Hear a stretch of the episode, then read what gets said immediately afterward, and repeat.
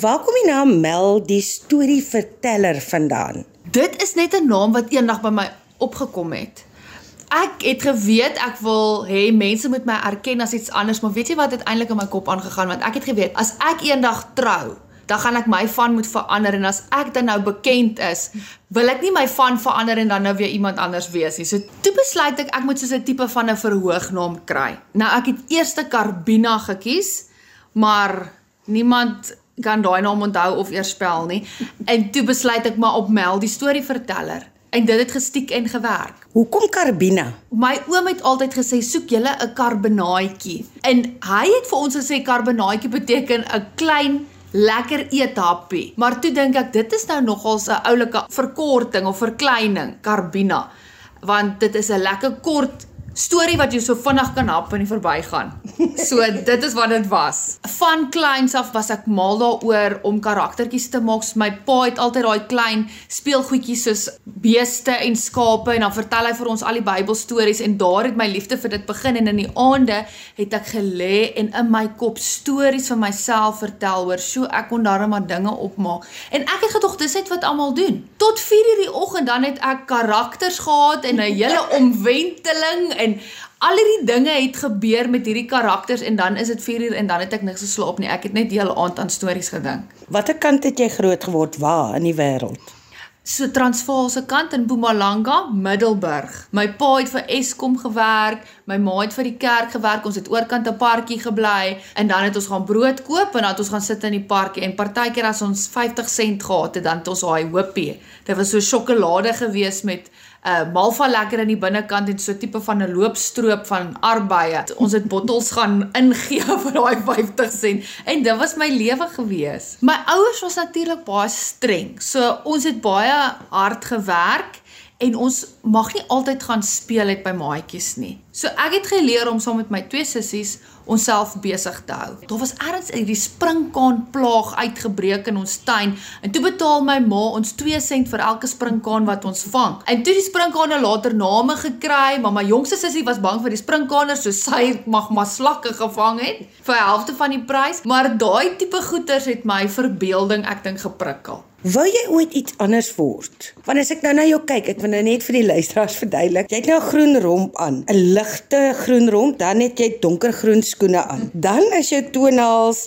geel. Jy het rooierige hare en groot oorbelle aan wat wat soos blomme lyk. Jy lyk sommer na 'n wonderlike kleurryke storie self. Dankie en ek voel ek leef myself nou uit. Daar was 'n 'n stadium in my lewe wat ek baie net donker klere gedra het want mense sê o, hier kom die sirkus nou weer. Dis nie 'n goeie ding om soos 'n sirkus te lyk like nie, maar toe ek nou weer intree in my storievertelling in en in my kreatiwiteit, toe sê ek maar dit is hoe ek wil aantrek. So ek wou nog nooit iets anders gewees het nie. Ek was 'n rukkie in die onderwys, maar ek kan nie met al daai reëls nie kan glad nie myself sien in 'n rotine of elke dag dieselfde ding nie. Wanneer word dit toe 'n beroep? Ja, want dit het begin by boeke. So ek het in 2019 was ek toe baie toe gewees. Ek het 'n kostuumwinkel gehad. Toe het ek alles verkoop. Ek het hierdie hele besigheid gehad, 'n drama skool en alles. Toe verkoop ek alles om oor see te gaan vir 'n nuwe lewe. Ek weet nie wat het ek gedink nie. Ek gaan dalk 'n een vrou toer word of iets. En toe daar raak my geld op en toe besef ek ek moet nou iets doen. En toe begin ek op die internet rondsoek en toe kry ek 'n oorsese 'n publikasiehuis wat sê hulle sal my 40 dollar betaal vir 'n storie. En toe maak ek geld en toe begin ek bietjie meer vra vir my stories, maar ek is toe 'n ghostwriter wat hulle noem. So mm. jy skryf mos nou onder iemand anders se naam. Niemand weet ooit wie jy is en jy mag nie die krediet vat nie.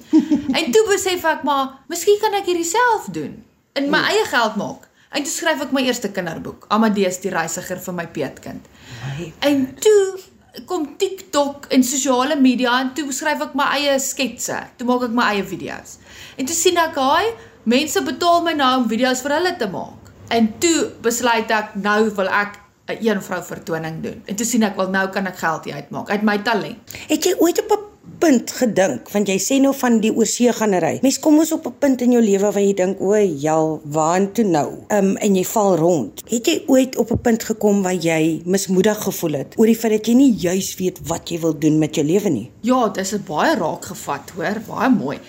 Ja, verseker, ek dink enigiets iemand in die kreatiewe wêreld voel soms so want jy het nie noodwendig dit is jou beroep en dis wat jy doen. Ons is net kreatiewe wesens, so jy val mos maar rond. So ek het definitief so gevoel op 'n baie eintlik al in my lewe. Nie geweet waar's my heenkome nie.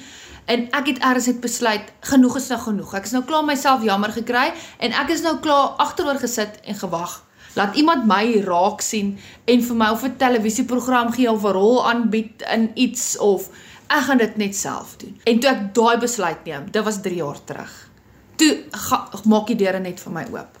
So ek het in myself geglo eerste en nou voel ek bietjie meer gegrond en my wortels is bietjie meer geskiet en ek is meer standvastig in dit wat ek doen en ek glo meer in myself. Dit is so mooi gestel. Hoe dink jy aan nuwe stories elke dag? Kyk op mense soos jy. Ek loop stap nou hier in en dit is al klaar man, Nawales van die hek wil nie oop nie en die hond is hier met die tande en die hare en jy wat drie verskillende koffiepotte het. So ek observeer die mense om my en ek vind die humor daarin en ek vind die karakters binne dit en dan kan ek dadelik 'n storie opmaak van jou. Ek sit jou in 'n scenario en ek dink, hoe sal jy optree in daai scenario? Jy met jou hond wat nou dalk agter jou aanloop die hele tyd en sit op jou stoel en jy moet hom afstap want hy vat jou stoel oor. So sulke goedjies en dit maak vir lekker stories, net die mense en die dinge om ons. Maar die ding is, mens kan nooit jou seer verhoog toeneem nie. En sê nou daar is seer en jy klim van die verhoog af. Hoe hanteer jy jou eie dinge wat pla?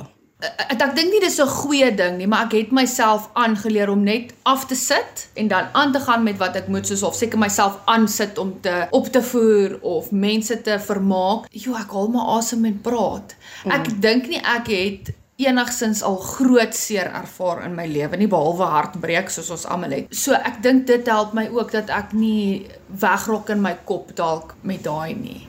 Hoe kan mense jou ontmoet en kom sien wat jy doen? So ek het 'n klomp vertonings vir die res van die jaar. In Desember is daar nog 9 vertonings oor in Gauteng area en dan is ek in Durbanville en Brackenfell ook net so voor Kersfees. So dan kan julle my vertoning almal is mal kom kyk wat nou my eerste groot vertoning is wat ek kan nie glo. Ek dink ek het al 35 van hulle al opgevoer hierdie jaar wat nogals baie is. Gaan kyk op my webblad www.meldistorieverteller.co.za en kyk een van my vertonings of boek my vir 'n vroueoggend. Ek doen tot praatjies met die vrouens ek gesels met yes. hulle. Ek's te besig, nee. Ek wil net aanhou waarmee ek nou aanhou. Ek dink ek is op die regte pad. En maar ek dink 'n groot teater wat uitverkoop is so 7 dae in 'n ry sal nie te versmaai wees nie. Ek sal nogals hou van om in die Baxter teater vir 'n week te wees met 'n vertoning en elke aand is uitverkoop. Dis 'n ja. droom. En Benny Boekwurm het altyd gesê, "Sto of is dit nou Sarel Seemonster? Stories is my lewe." Ja, o, geklam het. ja, dis baie oulik. Jy het dit mooi gesê. Stories is my lewe.